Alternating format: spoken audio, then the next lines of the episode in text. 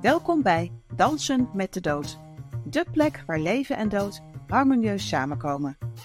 Deze podcast verkent thema's als verlies, afscheid nemen en rouw.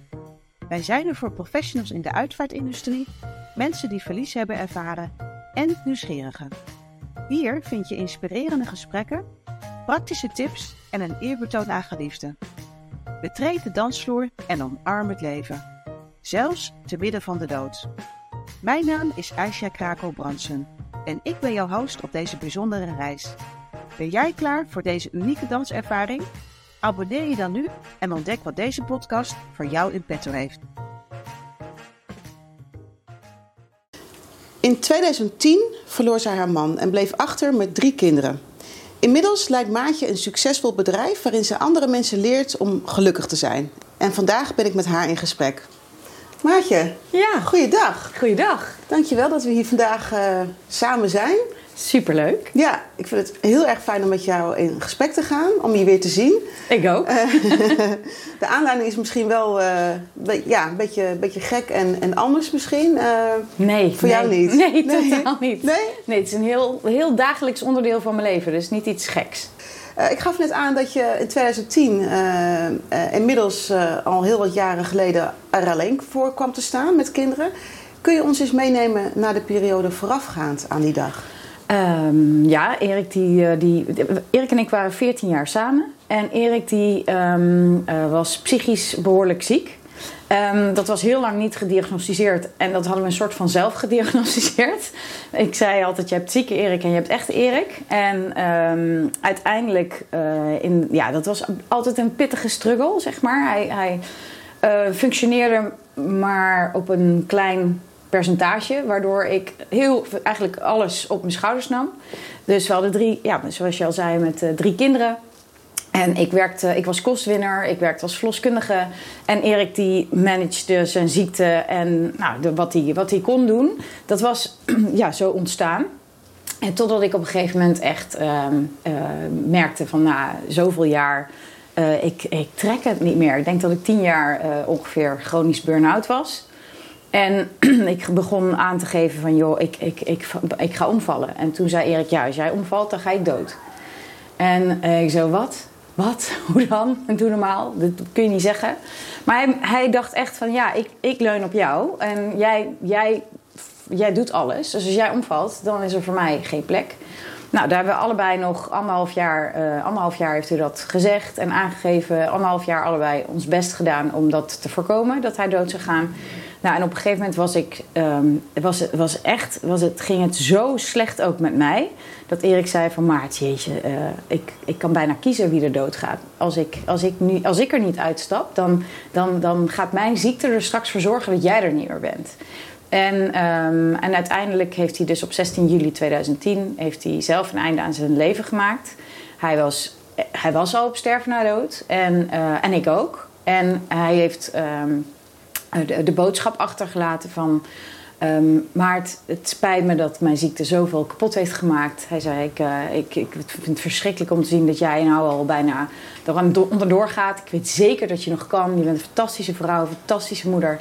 Ik hoop, alsjeblieft, zorg dat mijn dood niet voor niks is. En ga gewoon weer opkrabbelen na dit vreselijke verlies met de jongens en word gelukkig. En dat werd mijn missie. Het klinkt als een bijna onmogelijk verhaal. En waar een ander misschien echt ook ingestort was, heb jij toch nog de kracht weten te vinden om door te gaan. Ja, heel waar, erg. Waar heb je die kracht vandaan gehaald? Eh, mezelf. De master in happiness, ja. Ja, nee, het is ook niet dat ik mezelf Master in Happiness noem. Mijn bedrijf heet Master in Happiness. En het is wel... ehm, ik, het- het is wel een beetje wat ik teach. Ik, ik ben meester geworden van mijn eigen geluk. En het geluk wat in mij vindt, zit. En ik weet niet, altijd heeft dat... Ja, ik heb altijd wel dat, dat, dat vuurtje in mezelf wel gevoeld. Dat was bijna gedoofd. En ehm, ik had zoveel... Ik heb 14 jaar lang, dag in dag uit, met Erik geleefd. En de- hij was super veel eisend qua eh, alles moest op een manier waarop het maar net een soort bijna niet vol te houden evenwicht was om, ehm, om, om, om, het, om het samen voor elkaar te krijgen. En ik heb dus heel van heel dichtbij meegekregen hoe heftig die ziekte was voor hem en voor ons en voor mij. En ik heb dus super veel begrip voor zijn keuze eigenlijk ook. Hoewel ik er alles aan heb gedaan om het te voorkomen. Als het toen het eenmaal zo was, heb ik op een of andere manier het kunnen aanvaarden dat het zo was. En dacht ik, ja, dan is toch, maar, dat is toch het mooiste wat ik kan doen. Zorgen dat het niet voor niks is. Dat heeft me zoveel kracht gegeven ook. Ik, ik heb echt letterlijk op die dag, toen ik, dat, toen ik zijn afscheidsfilmpje zag, letterlijk op 16 juli 2010, ehm, heb ik besloten: dit ga ik doen. Dit wordt mijn keerpunt voor mij en de jongens. Nou, niet eens dit wordt mijn keerpunt. Echt alleen maar dit ga ik doen. Ik ga zorgen dat het niet voor niks is. Ik had gewoon, ik voelde het in alles. En dat nam niks weg van het verdriet of van, de, van, van, de, van het instorten. Ik, toen, toen de politie uiteindelijk voor de deur stond om te vertellen dat hij overleden was. Toen, uh, dat was daarna. Ik vond eerst uh, uh, aanwijzingen waarvan ik dacht: hé, hey, dit zou wel eens zover kunnen zijn. Wat dan bijvoorbeeld? Um, hij had uh, de jongens beloofd dat, hij, dat ze mochten disco zwemmen die avond, de oudste twee. En uh, hij had zelf tegen mij gezegd al eerder die week van... Oh, ik ga darten met René, een vriend van hem. Zijn enige vriend. door zijn ziekte was hij eigenlijk ook niet in staat om mensen te vertrouwen. Dus hij had eigenlijk geen vrienden. Behalve René. Hij zei, ik ga darten met René in de stad. Dus dan neem jij dan de jongens mee. Ik zei, ja, tuurlijk. Dus dat was een soort van al geregeld. En in die anderhalf jaar dat hij zijn dood um, um, benoemde, van dat, dat, dat, ga, dat gaat gebeuren als jij instort. Um, zei hij, ja, als ik, dan, uh, als ik er dan uitstap, mag ik dan, uh, mag ik dan dit kopen voor jullie? Of mag ik dan dit doen? Of, ja, hij wilde alles bespreken. En onder andere was dat de Lego-stad. Hij wilde dan, hij zei, mag ik dan voor alle drie de jongens een grote doos Lego kopen? En dan hij zei, dan wil ik gewoon alle Lego die wij hebben, die, uh, dan maak ik daar dan een Lego-stad van. En ik kwam, ik ging naar de uh, disco zwemmen. Nou, ik had de hele dag al zo'n raar gevoel. Gelukkig heeft Erik ook echt zijn best gedaan om me in de war te brengen. Want hij ging de hele middag slapen. Ik dacht, nou ja, als dit je laatste dag is, ga je niet de hele middag slapen. Dat kan niet, want we waren gewoon met z'n allen thuis. Um, en toch had ik een heel, een, heel ja, intuïtief gevoel.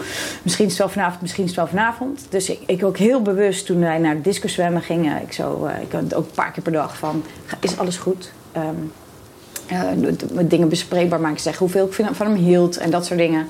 Dus ik zei zo, weet je wel hoeveel ik van je hou? Gaat alles goed? Hoe laat ben je dan thuis vanavond? Dat soort dingen.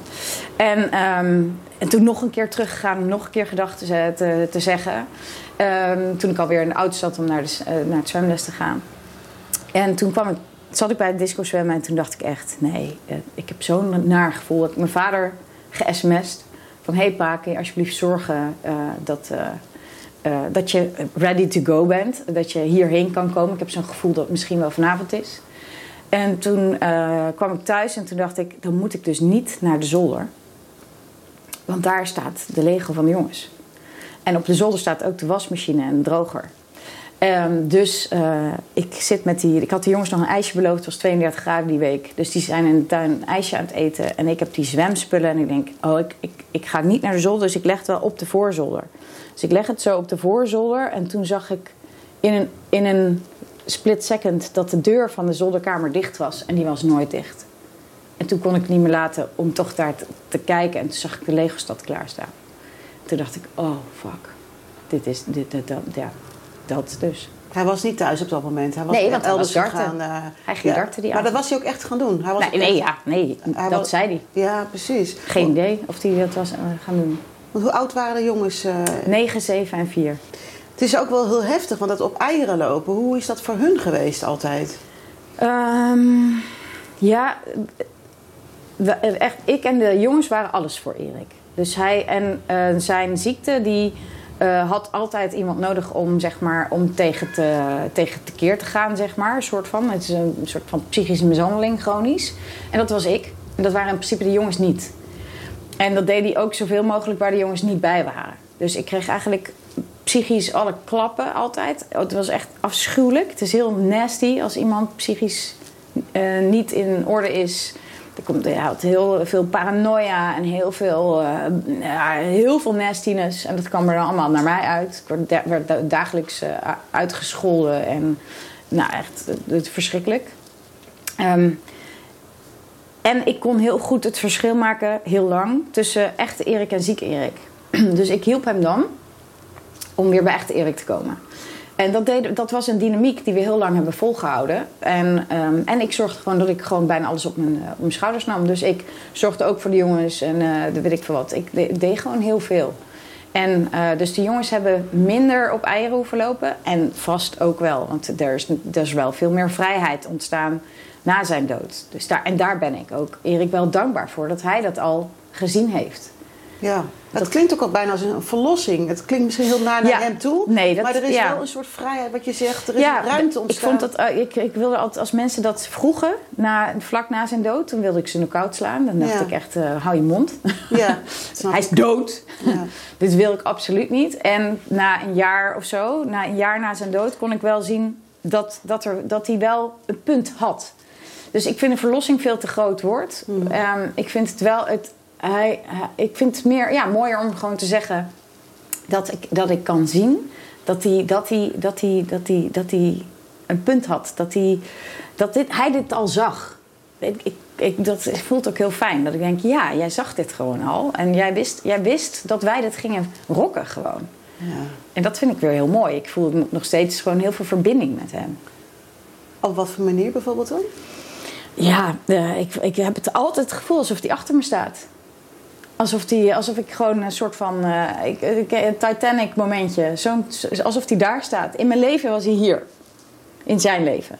Was hij gewoon in my way eigenlijk. Ik was alleen maar uh, aan kettingen gelegd. En ik moest alles zo... nou, dat op eieren. Het was echt bizar. Ik snap ook niet hoe ik het voor elkaar heb gekregen. En toen hij dood was, was in één keer dat was allemaal weg. En de deuren konden open van ons huis. En vrienden konden langskomen. En alles kon. En ik dacht, oh. En een van mijn kernwaarden is vrijheid. Nou, dat ben ik pas heel langzaam aan hand gaan ontdekken. ja. Ik wist niet eens wat vrijheid was tot die tijd. En, um, en op een gegeven moment voelde ik gewoon alsof hij alsof die achter me staat en, en zegt van uh, ga maar. En boeien of je fouten maakt. Alsof je, eigenlijk alsof ik een soort uh, coach heb in, mijn, in, mijn, in, in energie of zo. Die me helpt om het leven vol aan te gaan. Zonder, zonder um, voorkomen. Niet standje voorkomen, standje genezen. Gaan. Gewoon ga, gaan, leer, eraf, maak fuck-ups. Doe, doe, ga gewoon. Eigenlijk wat ik nu teach. Ja, echt heel bijzonder, ja. ja. En hebben de jongens, hoe ervaren zij uh, deze periode? Hoe, hebben, hoe, kijken ze erop terug?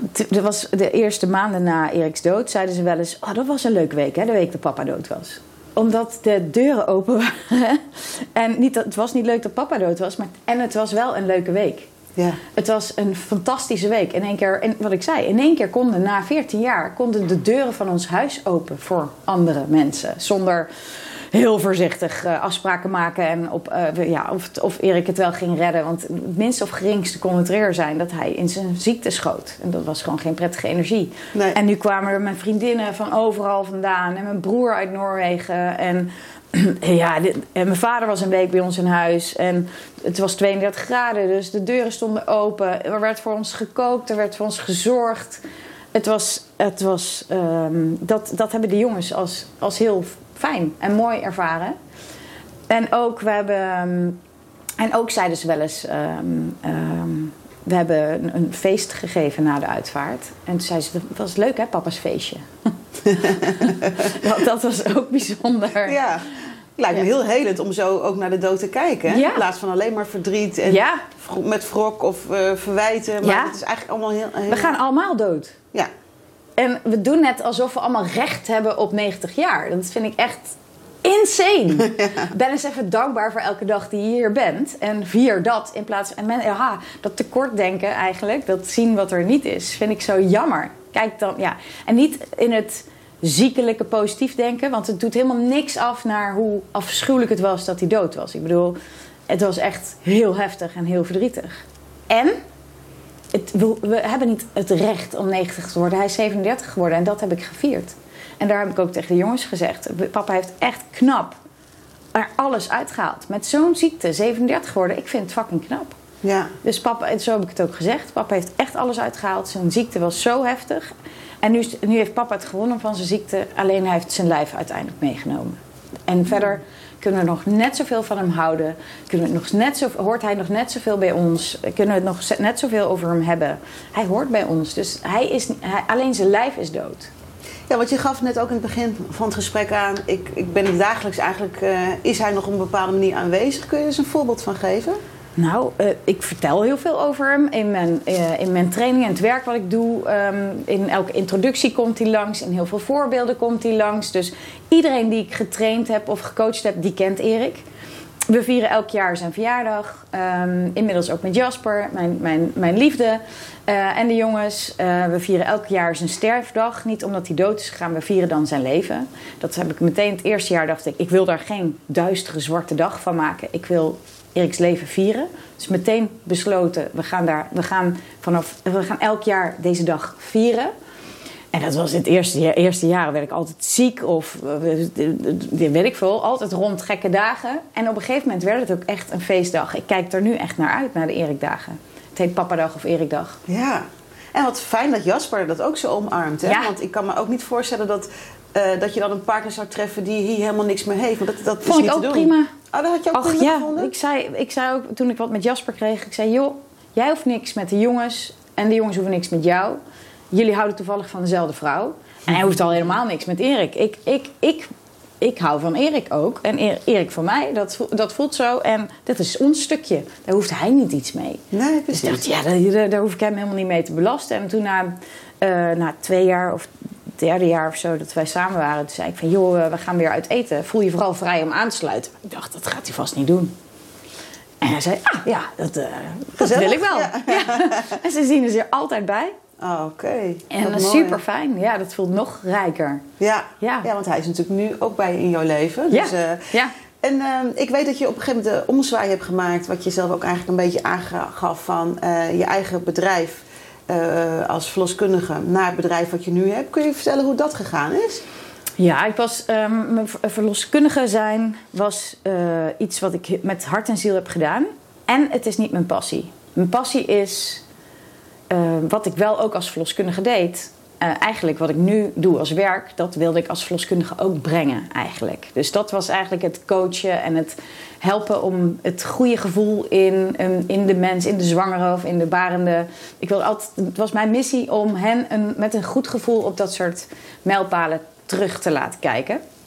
Ehm, en als verloskundige werkte ik me een slag in de ronde, dag en nacht. In de tijd dat Erik ziek was, dat ik drie kleine kinderen had. Eh, ik vond het niet te doen. Niet, nee. Ik ging bijna altijd huilend de, de deur uit. Ik dacht, ik weet niet waar ik vandaan wat Ik zei tien jaar ongeveer chronisch burn-out, denk ik. ik. Ik trok het helemaal niet. Dus ik heb meteen op Eriks afscheidsfilmpje zei hij ook... stop met werken, verkoop die praktijk, ga iets doen wat je leuk vindt. En ik heb alles wat hij me heeft gezegd op papier of op het filmpje heb ik gedaan. Ik heb al zijn laatste wensen laten uitkomen.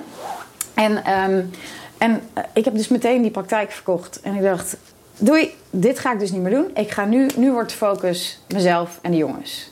En ik had inmiddels ook wel door dat de focus anderen boven mezelf zetten, dat dat dus niet per se ehm, een goed idee was. Dus hier, daar heb ik de switch gemaakt van oké, ik heb dus in eerste instantie voor mezelf te zorgen. Dat was voor mij volledig nieuw. Dat ben ik pas met heel veel vallen, nog meer opstaan, gaan leren vanaf 2010.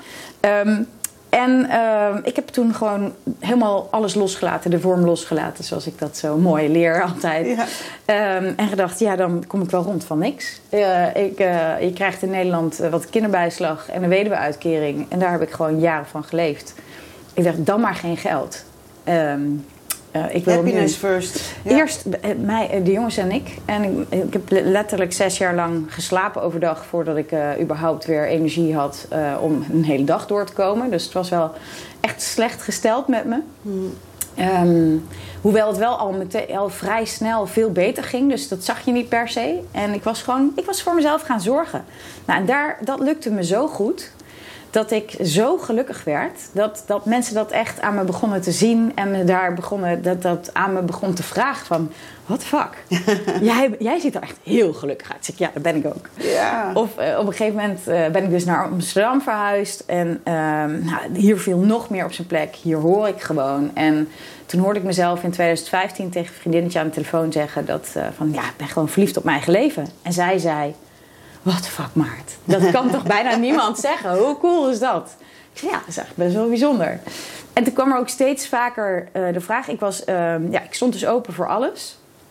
Um, en uh, dus ook voor persoonlijke ontwikkeling, weet ik veel. Daar kwam weer een vriendinnetje, zus mee. Of, dus ik was een beetje in aanraking gekomen met positieve psychologie, met mindset. Wat je allemaal kunt bijdragen zelf aan het vinden van je innerlijke geluk. En daar ging ik woest hard op aan.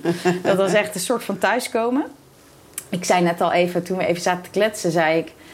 Alles wat ik heb gelezen, ik lees geen hele boeken. Als ik een alinea lees, is het, is het alsof in, in een boek over, over dit onderwerp, dan is het alsof er iets wakker wordt in mij. Alsof er dan er een soort van bak met kennis open gaat die al in mij zat. Zo voelt het. Ja, en dat, dat was zo lekker dat ik steeds vaker de vraag kreeg van, nou, ga daar wat mee doen dan. En ik wilde per se geen coach of trainer worden.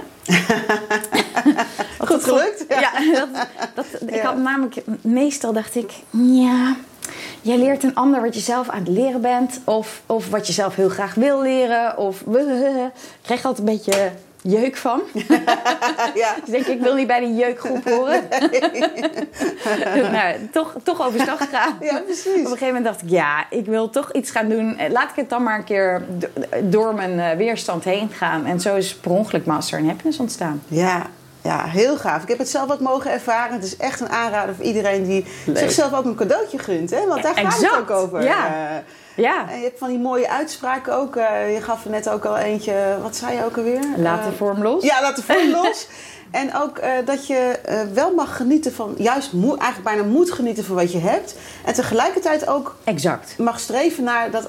En, en soms kan ik me voorstellen dat mensen die niet helemaal begrijpen. De, dus het, het, en het erkennen van het verdriet en ja. de ellende. Dus niet positiviteit om negativiteit niet te voelen.